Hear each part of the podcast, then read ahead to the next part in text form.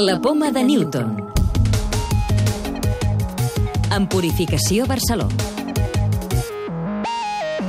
I si en lloc d'intentar trobar un fàrmac per combatre un determinat tipus de tumor, busquem un producte que combati les mutacions que originen molts tipus de càncer? Aquest plantejament innovador és el que segueix el projecte de recerca del qual us parlem en el programa d'avui, coordinat per l'Institut d'Oncologia Vall d'Hebron. També us parlarem d'investigacions capdavanteres en astronomia i medicina, dues de les quals liderades des de Catalunya. L'Institut d'Oncologia Vall d'Hebron encapçala un estudi internacional per buscar si un únic fàrmac pot combatre un conjunt de mutacions que originen diferents tipus de càncer. Concretament, assagen amb un fàrmac d'immunoteràpia que ja està aprovat.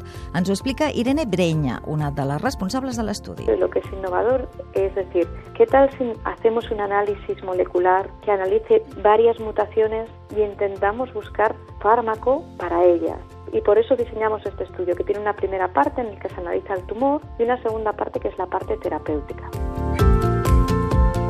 Nosotros ahora estamos usando un fármaco que estimula el sistema inmune. La hipótesis que estamos probando ahora es si mutaciones que están relacionadas con la reparación del ADN se asocian a que este fármaco pueda funcionar mejor. Porque si tienes una alteración en la reparación del ADN, tu tumor va a tener muchos errores que el sistema inmune va a poder detectar, porque lo detecta como algo extraño.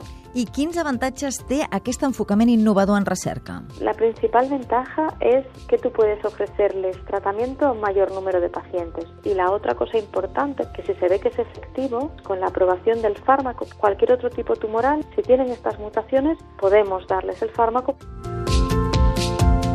Esperemos que en los próximos años podamos añadir nuevos módulos pues con nuevos fármacos para diferentes mutaciones y que así un número mayor de pacientes se pueda beneficiar. Suponemos que encontraremos estas mutaciones en una décima parte de los pacientes, pero bueno, la idea es que en el futuro podamos ofrecerle a más y más pacientes tratamientos dentro de este ensayo. L'estudi liderat des de Catalunya forma part del projecte Cancer Core Europe, en el qual participen institucions d'investigació europees de primer nivell. També us expliquem que investigadors de l'Institut d'Estudis Espacials de Catalunya, de l'Institut de Ciències de l'Espai i del CSIC han trobat per primera vegada fragments d'un cometa dins d'un meteorit. El fragment amaga informació de fa més de 4.500 milions d'anys sobre minerals poc coneguts a la Terra i sobre com va arribar la vida al nostre planeta.